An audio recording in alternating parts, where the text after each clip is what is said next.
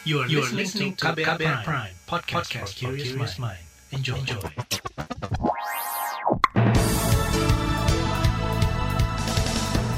Anda mendengarkan Buletin Pagi edisi 5 Agustus 2021 yang dipersembahkan oleh kantor berita radio, saya Reski Mesanto. Pagi hari ini kembali saya hadir dan siap menjadi teman Anda untuk menjalankan aktivitas Anda di pagi hari ini. Dan seperti biasa, tim redaksi KBR telah menyiapkan sejumlah informasi untuk Anda. Di antaranya, pemerintah didesak perhatikan penanganan pandemi di daerah 3T, bantuan kuota internet belajar mulai disalurkan September dan Walhi desak Pemkap Kalongan tindak tegas pencemaran lingkungan. Dan saudara inilah Buletin Pagi selengkapnya. Terbaru di Buletin Pagi. Penyebaran kasus COVID-19 di wilayah pedesaan dan daerah 3T terluar, terdepan, dan terpencil kian mengkhawatirkan. Situasi itu diperburuk dengan minimnya fasilitas kesehatan dan rendahnya pengetesan dan pelacakan kasus. Pada bulan lalu, kematian di sejumlah desa di Pulau Jawa melonjak 10 kali lipat dari rata-rata per bulan. Kasus juga meningkat di Kalimantan dan Papua yang notabene kondisinya tak seperti di Jawa. Koalisi Warga Pemantau Wabah Lapor COVID-19 mencatat terjadi peningkatan kasus kematian di desa dan daerah pedalaman. Berikut penjelasan salah satu inisiator lapor COVID-19 Ahmad Arif. Kasus di desa ya dan di pedalaman ini peluang untuk terjadinya underreported ya. Artinya kasus yang tidak terdeteksi baik jumlah kasusnya maupun kematiannya itu jauh lebih tinggi dibandingkan kalau itu terjadi di Jabodetabek ya. Karena persoalannya adalah kapasitas tes yang timpang banget. Kekhawatiran kami itu terjadinya underreported kasus gitu. Artinya penularan tinggi di desa-desa tetapi kasus yang ditemukan kecil. Demikian halnya jumlah korban jiwa yang dilaporkan dengan positif COVID itu relatif kecil karena kasusnya kecil kan. Tetapi angka kematian di desa itu tinggi. Ahmad Arif mengatakan dari pemantauan lapor COVID-19, peningkatan kasus kematian terjadi tak hanya di wilayah Jawa. Sejumlah provinsi seperti Riau, Sulawesi Selatan, Sumatera Selatan, Kalimantan Timur, dan Kalimantan Tengah juga mengalami peningkatan kasus kematian akibat corona. Selain kasus kematian, akses pada layanan kesehatan dan vaksin juga menjadi persoalan yang belum bisa diselesaikan oleh pemerintah. Sementara itu, Saudara Asosiasi Pemerintah Kota Seluruh Indonesia atau APEKSI mengakui bahwa kemampuan pelacakan kasus COVID-19 terutama di daerah 3T masih rendah. Ketua APEKSI Bima Arya menyebut, banyak daerah kewalahan mengejar rasio lacak isolasi atau RLI yang ideal, yakni pelacakan 8 orang kontak untuk satu kasus yang ditemukan. Pada awal tahun lalu, Presiden Joko Widodo menargetkan pelacakan 1 banding 30 sesuai rekomendasi Organisasi Kesehatan Dunia atau WHO. Apa hari ini bergerak menjadi satu berbanding 6 dan 8 saja susah begitu. Ini persoalan apa? Ya saya kira ada persoalan kapasitas. Karena kan melakukan tracing ini memerlukan uh, ilmunya juga. Kita harus bisa mendalami keterangan dari kontak eratnya, dari uh, suspek, dari orang yang terkonfirmasi positif. Nggak cukup menanyakan dengan pertanyaan yang generik saja. Ketua Peksi Bima Arya menambahkan, kesulitan pemerintah daerah juga terkait fasilitas kesehatan yang minim untuk mendukung keberhasilan 3T. Belum lagi minimnya sumber daya manusia atau SDM dan rendahnya kesadaran masyarakat menaati protokol kesehatan. Kendala lain ialah ada sebagian masyarakat yang sedari awal tidak percaya COVID-19. Saudara, Koordinator PPKM di luar Pulau Jawa yang juga Menko Perekonomian Erlangga Hartarto menjelaskan, pengetesan pelacakan dan perawatan atau 3T masih diprioritaskan untuk kota dan kabupaten yang kasusnya meningkat. Di antaranya Kota Medan, Makassar, Banjarmasin, Pekanbaru, Banjarbaru, Tarakan, dan Jayapura. Kemudian Kabupaten Sika, Berau, dan Belitung. Selain itu, upaya 3M dan vaksinasi juga terus dilakukan, diprioritaskan ke daerah yang kasusnya tinggi. Ia beralasan itu sesuai arahan Presiden Joko Widodo guna mengurangi angka kasus COVID-19 di luar Jawa Bali. Kata dia, ada 21 provinsi dan 42 kabupaten kota di luar Jawa Bali yang masih menerapkan PPKM level 4. Sementara itu, Saudara, Kementerian Kesehatan mengakui jumlah kematian di sejumlah daerah meningkat hingga 28 persen dibanding minggu sebelumnya. Namun Kemenkes mengklaim terjadi tren penurunan kasus sebesar 5 persen secara nasional pada pekan ini dibanding minggu sebelumnya. Meski begitu, angka penularan secara nasional masih tinggi, yakni 25 persen. Bahkan menurut juru bicara vaksinasi Satgas COVID-19 dari Kemenkes, Siti Nadia Tarmizi, ada beberapa provinsi yang justru terjadi kenaikan kasus lebih dari 50 persen. Penambahan jumlah kematian mingguan ini kita lihat lebih dari 50% terjadi di Provinsi Aceh, Sumatera Utara, Sumatera Barat, Jambi, Sumatera Selatan, Lampung, Kepulauan Riau, Jawa Barat, Banten, NTB, NTT, Kalimantan Tengah, Kalimantan Selatan, Sulawesi Utara, Sulawesi Tengah, Sulawesi Tenggara, Gorontalo, dan Sulawesi Barat. Nadia menyebut jumlah testing rate secara nasional juga mengalami penurunan, yakni sebesar 4,01 per seribu penduduk per minggu. Angka ini turun sedikit dari minggu lalu yang mencapai 4,03 per seribu penduduk per minggu. Saudara Ketua DPR Puan Maharani mendesak pemerintah menggunakan cara khusus untuk penanggulangan wabah corona di pedesaan.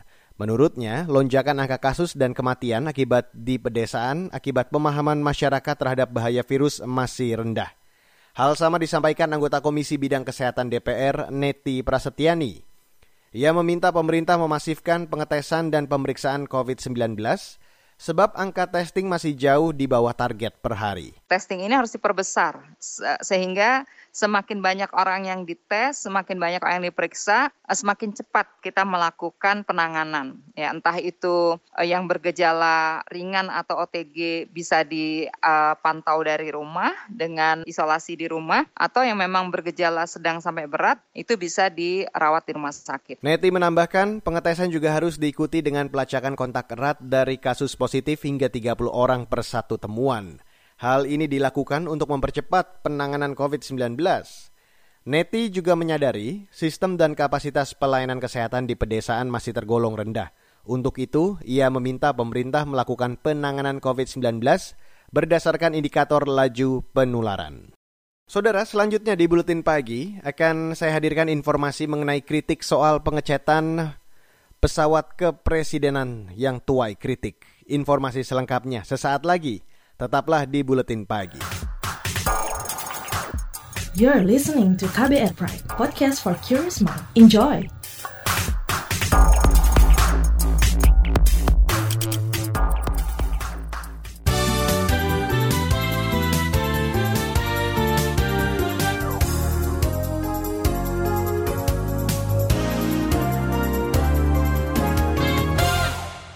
Saudara, pemerintah kembali memberikan bantuan kuota data internet untuk pendidikan. Menteri Pendidikan, Kebudayaan, Riset, dan Teknologi, Nadiem Makarim mengatakan, bantuan tersebut untuk dipergunakan sepanjang semester awal tahun ajaran 2021-2022. Bantuan tersebut sebelumnya pernah diberikan pemerintah pada pertengahan tahun lalu untuk melancarkan kegiatan pembelajaran jarak jauh atau PJJ di masa pandemi COVID-19.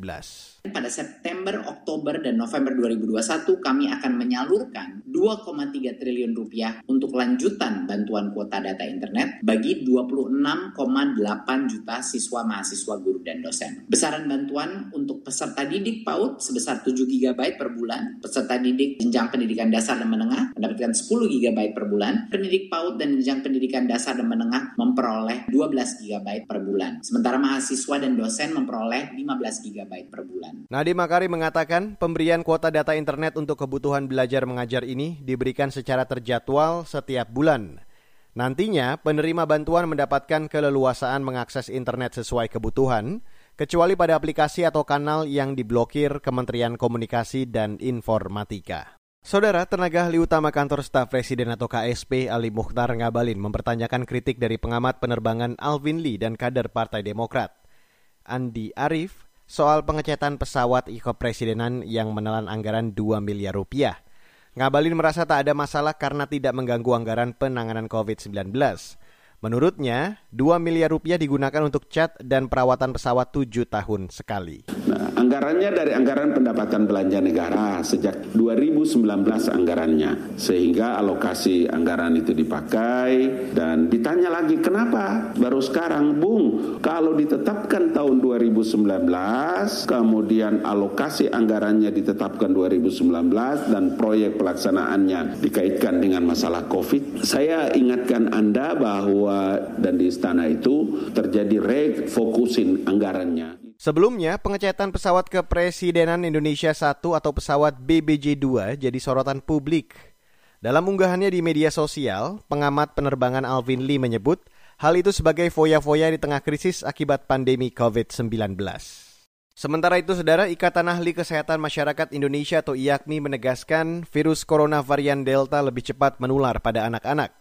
Ketua Umum IAKMI, Ede Surya Darmawan, mengatakan virus tersebut memiliki sifat cepat menyebar dan daya menempel yang tinggi. Varian Delta itu memang khasnya adalah tadi ya, perubahan pada tanduknya atau spike-nya, kemudian dia lebih mudah menempel karena daya tempel yang kuat sehingga penularan lebih cepat. Gitu. Nah kondisi ini dengan demikian akan mudah tertular, terutama juga kepada anak-anak. Ketua Umum IAKMI, Ede Surya Darmawan menambahkan, kasus COVID-19 pada anak sebelumnya masih relatif aman.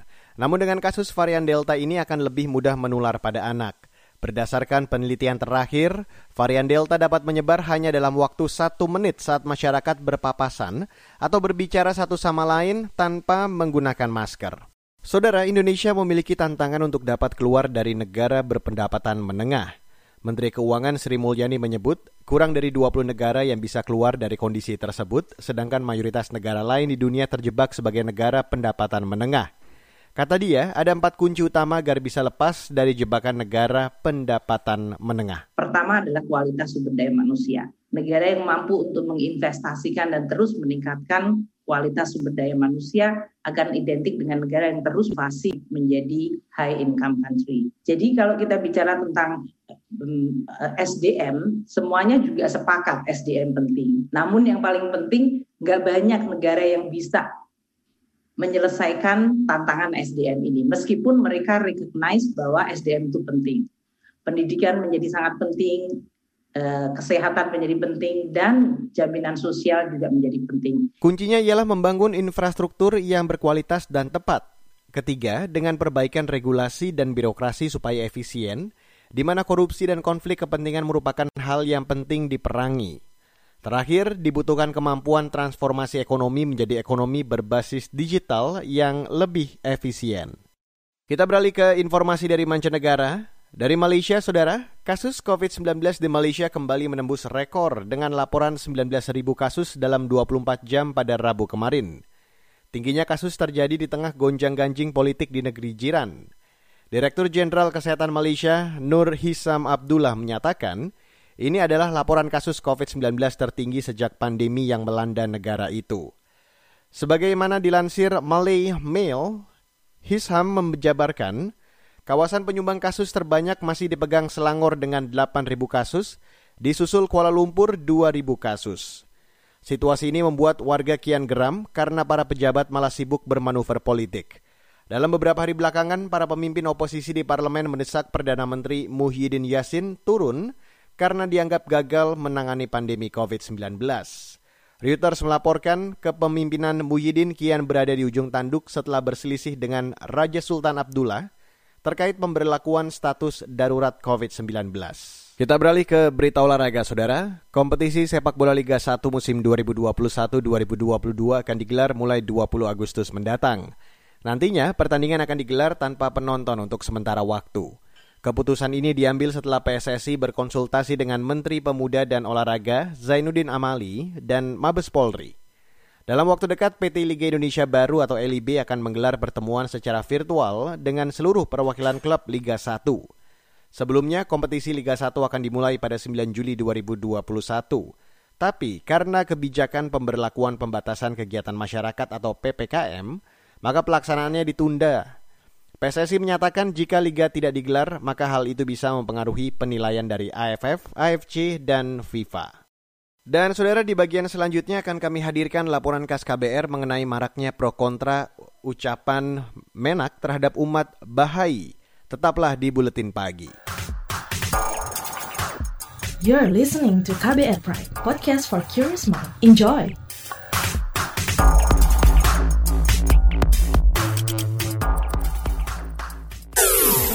Commercial break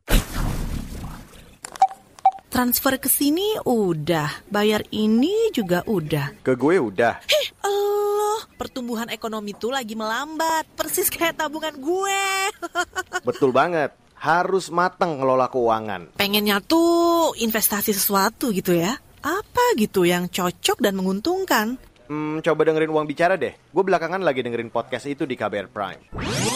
Reksadana yang tadinya 500 juta udah turun dari 250 juta sekarang 10 ribu. Sama kita ngopi mahalan mana?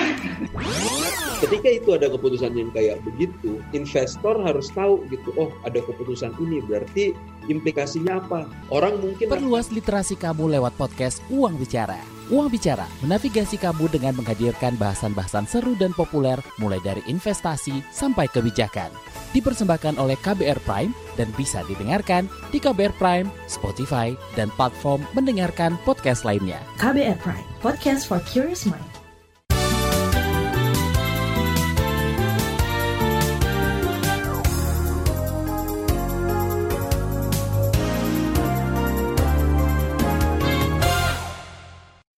Terima kasih Anda masih bergabung di Buletin Pagi hari ini. Saudara, ucapan selamat hari raya Nauruz yang dilontarkan Menteri Agama Yakut Khalil Komas kepada penganut agama Bahai menuai pro dan kontra. Sejumlah ulama menilai sikap Yakut tidak tepat. Namun di lain pihak ada pula yang beranggapan hal itu sah dilakukan demi menjaga toleransi. Lantas bagaimana pemerintah menyikapinya dan apa agama Bahai itu? Berikut saya hadirkan laporan khas KBR yang disusun oleh Dwi Renjani. Pada saudaraku masyarakat Bahai di mana pun berada, saya mengucapkan selamat merayakan Hari Raya Nauruz 178 EB, suatu hari pembaruan yang menandakan musim semi spiritual dan jasmani setelah umat Bahai menjalankan ibadah puasa selama 19 hari. Itu tadi potongan suara dalam sebuah video viral saat Menteri Agama Yakut Khalil Koumas mengucapkan selamat Hari Raya pada umat Bahai di Indonesia tepatnya pada 21 Maret setelah umat Bahai melaksanakan puasa selama 19 hari. Agama Bahai berasal dari Persia yang dibawa masuk ke Indonesia sekitar 1878 oleh saudagar asal Persia dan Iran Jamal Effendi. Agama Bahai telah tersebar di puluhan negara di dunia, termasuk di tanah air. Di Indonesia ada enam agama yang dipeluk oleh mayoritas penduduk, yakni Islam, Kristen, Katolik, Hindu, Buddha, dan Konghucu. Karena itu, polemik muncul saat Menteri Agama mengucapkan selamat hari raya secara resmi. Kritik datang salah satunya dari Muhammadiyah. Ketua PP Muhammadiyah Dadang Kamat mengatakan hal tersebut harusnya tidak dilakukan lantaran terkesan aneh dan mengakui agama tersebut. Pejabat negara ya, orang yang punya keterikatan pada undang-undang, saya kira tidak perlu ya aneh itu sebab eh, bahaya itu sampai hari ini belum masuk pada agama yang diakui negara. Menurut Undang-Undang Nomor 1 tahun 65 maupun Undang-Undang Nomor 5 tahun 69 kita lihat baru 6 atau sudah cukup 6 agama ya. Agama Islam, Protestan, Katolik, Hindu, Buddha dan Konghucu. Selain masalah pengakuan, tata cara pelaksanaan ibadah yang jauh berbeda dengan syariat Islam juga menjadi sorotan Sekretaris Jenderal Majelis Ulama Indonesia Amir Syah Tambunan. Secara internal berarti dalam kehidupan masing-masing beragama ya. Dalam konteks ini adalah Islam tentu ya. Peribadatan misalnya itu ditemukan beberapa literatur bahwa sholat berjamaah tidak wajib kecuali sholat jamaah, sholat jenazah sholat hanya sembilan rakaat saja satu hari dengan tiga kali sholat masing-masing tiga rakaat. Ibadah puasa yang mereka lakukan juga aneh rasanya berbeda. Jadi ini menurut saya ya adalah bentuk salah satu bentuk penyimpangan ya yang dilakukan oleh mereka-mereka yang ada notabene beragama Islam masuk ke Bahai. Seperti saya katakan tadi, ini ada indikasi kuat terjadi sinkritisme. Staf khusus Menteri Agama Abidal Aziz menanggapi kritik dari Muhammadiyah dan MUI. Ia mengatakan Bahai merupakan agama tersendiri dan bukan bagian dari agama lain, sehingga tidak bisa disandingkan dengan agama mana pun. Di Kementerian Agama itu sudah beberapa tahun yang lalu ya, sudah merilis hasil penelitian di Balitbang itu ya, terkait dengan Bahai ini jadi eh, dari hasil penelitian uh, yang dilakukan oleh Balitbang di uh, Kementerian Agama menyebutkan bahwa Bahai ini bukan sempalan ya atau uh, bagian dari suatu agama. Yang perlu kita harus dorong lebih maju kalau menurut saya adalah terkait dengan fakta sosial hari ini gitu ya. Pertama saya fakta hari ini ya. Jadi saya melihat bahwa pertama uh, konstitusi kita itu mengamanatkan kebebasan ya uh, untuk memeluk agama dan melindungi praktik keagamaan. Ini yang penting. Yang kedua, penyebutan enam agama yaitu Islam, Kristen, uh, Katolik, Hindu, Buddha, Konghucu. Ini adalah penyebutan atau pengakuan uh, sosiologis. Namun tak semua mengkritik sikap Menteri Agama terhadap umat Bahai. Dukungan juga datang salah satunya dari anggota dewan. Menurut Wakil Ketua DPR Sufmi Dasko, sikap yang dilakukan Menteri Agama sekedar untuk menjaga persatuan. Agama. Nah itu dalam konteks mungkin karena itu kan e, komunitas-komunitas, saya rasa mungkin Menak hanya eh, sekedar menjaga supaya rasa persatuan dan kesatuan. Dan saya nggak tahu lagi ada apa mungkin soal budaya dan lain-lain. Tapi saya pikir kalau agama kita sudah sama-sama tahu bahwa hanya lima agama yang diakui menurut aturan kita. Dukungan juga datang dari koordinator jaringan Gus Durian Ali Syawahid. Menurutnya, memberi ucapan selamat merupakan salah satu upaya perlindungan dan untuk menghentikan diskriminasi serta menjaga keberagaman. Hal tersebut penting dilakukan termasuk pada semua aliran kepercayaan. Demikian laporan khas KBR, saya Dwi Renjani. Dan saudara, informasi dari berbagai daerah akan kami hadirkan di bagian akhir dari buletin pagi. Tetaplah bersama kami. You're listening to KBR Pride, podcast for curious mind. Enjoy!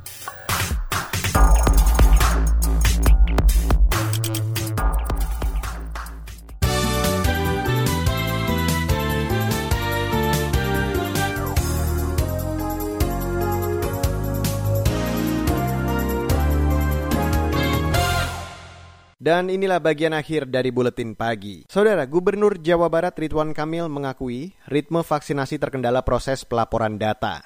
Saat ini pelaporan penggunaan vaksin dilaporkan melalui aplikasi Smile and Big Apps. Menurut Ridwan Kamil, aplikasi Smile yang digunakan Kementerian Kesehatan digunakan mendata dan penyaluran vaksin, sedangkan Big Apps untuk data penggunanya. Tapi tadi ada masalah di lapangan yang sedang kita perbaiki tidak semua mengupdate gudang ini dengan waktu yang kita harapkan. Sehingga ada gap data yang kita temukan, sekian ratus ribu dosis itu sedang kita telusuri di mana permasalahannya. Hitungan pemerintah Jawa Barat, kecepatan vaksinasi COVID-19 yang harus dikejar juga menembus lebih dari 400 ribu dosis setiap hari. Tak hanya itu, vaksinator juga harus ditambah hingga 22 ribu orang. Saudara, sekira 900 ribu keluarga penerima manfaat atau KPM di Jawa Timur belum menerima bantuan tunai non-pangan atau BTNP. Total ada 3,8 juta KPM di Jawa Timur. Wakil Gubernur Jatim Emil Dardak beralasan, hal itu lantaran data penerima tengah diverifikasi ulang dan dikoordinasikan oleh Kementerian Sosial dengan Bank Penyalur Bansos. Selain BTNP, ada 3 juta warga Jatim penerima program Keluarga Harapan atau PKH dan Bansos Tunai. Kepada penerima-penerima Bansos ini artinya kan mereka dari golongan ekonomi rentan. Maka penerima-penerima Bansos ini akan mendapat tambahan 10 kg beras satu kali penerimaan yang disalurkan oleh Bulog. Nah, kalau kami dari Pemprov, kami juga misalnya meneruskan program santunan kematian yang berhenti disalurkan, maka kami menyalurkan untuk 2000 uh, uh, keluarga yang ada warganya apa anggota keluarganya uh, meninggal karena COVID-19. Wagub Jatim Emil Dardak mendorong pemanfaatan APBD kabupaten kota untuk menyalurkan bantuan kepada kelompok rentan antara lain keluarga dengan penyandang disabilitas, keluarga dengan lansia. Ia menargetkan penyaluran bagi kelompok tersebut di atas 100 miliar pada Juli hingga Agustus. Jika terlaksana, Emil mengklaim setengah warga Jatim mendapatkan bantuan sosial COVID-19 dengan beragam mekanisme dan jenis bantuan. Saudara, Wahana Lingkungan Hidup atau WALHI Jawa Tengah mendesak pemerintah Kabupaten Pekalongan menindak tegas pencemaran lingkungan dari limbah PT Pajitex. Manajer Advokasi WALHI Jateng, Iqbal Alma, membeberkan Sejak 2006, warga desa Watu Salam, Pekalongan, mengeluhkan tercemarnya air sumur hingga adanya debu pembakaran batu bara dari pabrik tekstil tersebut. Selama ini Pemkap nggak nggak ini nggak melindungi masyarakat eh, Pekalongan. Ya nyatanya bahwa dari 2006 sampai sekarang itu nggak ada solusi atau mungkin uh, penyelesaian terhadap pencemaran ini gitu kan. Uh, warga dan walhi menuntut uh, Pemkap untuk menyelesaikan permasalahan ini dan memastikan tidak ada lagi pencemaran yang dikeluarkan oleh eh, PT Pajitek itu kan karena ini bukan tugas eh, tugas warga ini adalah kewajiban PT yang harus dipastikan oleh pemerintah kabupaten. Menurut Iqbal, selama hampir 15 tahun, warga Watu Salam telah dirugikan dengan limbah udara dan pencemaran air yang dihasilkan PT Pajitex. Selain itu ada kriminalisasi terhadap tiga warga yang memprotes penyemaran lingkungan. Mereka dituduh merusak properti milik perusahaan. Dan saudara informasi tadi sekaligus menutup buletin pagi untuk hari ini. Terima kasih untuk Anda yang sudah bergabung. Dan jangan lupa untuk selalu menerapkan dan menaati protokol kesehatan di mana pun Anda berada. Ingat, tetaplah di rumah apabila memungkinkan Anda melakukan segala aktivitas dari rumah. Karena dengan mengurangi mobilitas Anda semaksimal mungkin, Anda turut memutus rantai penyebaran COVID-19. Mewakili tim redaksi yang bertugas pagi hari ini, saya Reski Mesanto undur diri. Salam.